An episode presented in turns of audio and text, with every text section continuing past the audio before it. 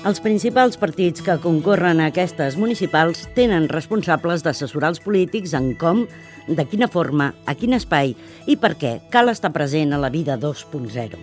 Són Roc Fernández per Convergència i Unió, Jordina Freixanet pel PSC, Joan Millan pel Partit Popular, Ignasi Llorente d'Esquerra i José Luis Palomo d'Iniciativa Verds. Que és absolutament desaconsellable és entrar amb aquestes eines per una estètica electoral de 15 dies i, a més a més, fer aquesta aposta no té marxa enrere.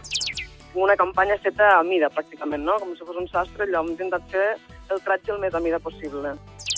Es continua fent la campanya tradicional, la campanya dels mercats, es continuen utilitzant els mitjans de comunicació tradicionals, però avui el, el, la xarxa és ineludible i, per tant, la comunicació online és fonamental també per a la nostra campanya.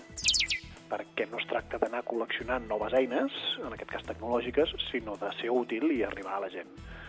Aquesta és la primera cosa que recomanem.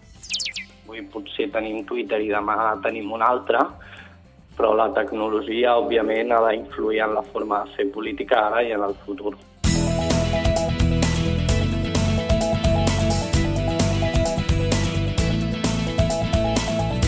Per estar a la xarxa, tres condicions principals.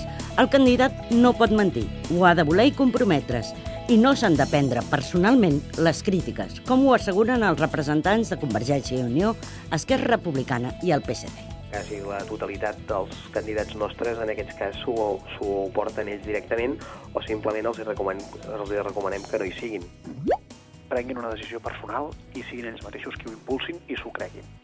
És a dir, no creiem en formes artificials de fer-ho, en què doncs, el candidat pràcticament no sap com funciona i algú altre des d'un equip al darrere li acaba fent. I, eh, per tant, és el candidat que ha de decidir.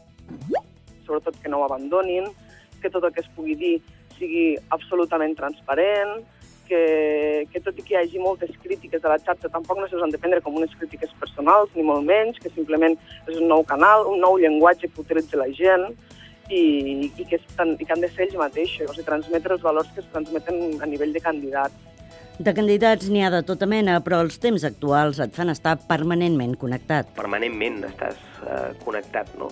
Això jo crec que també forma una mica part del que és eh, l'ofici de fer política, eh? que vol dir estar, en certa manera, permanent connectat, permanentment connectat.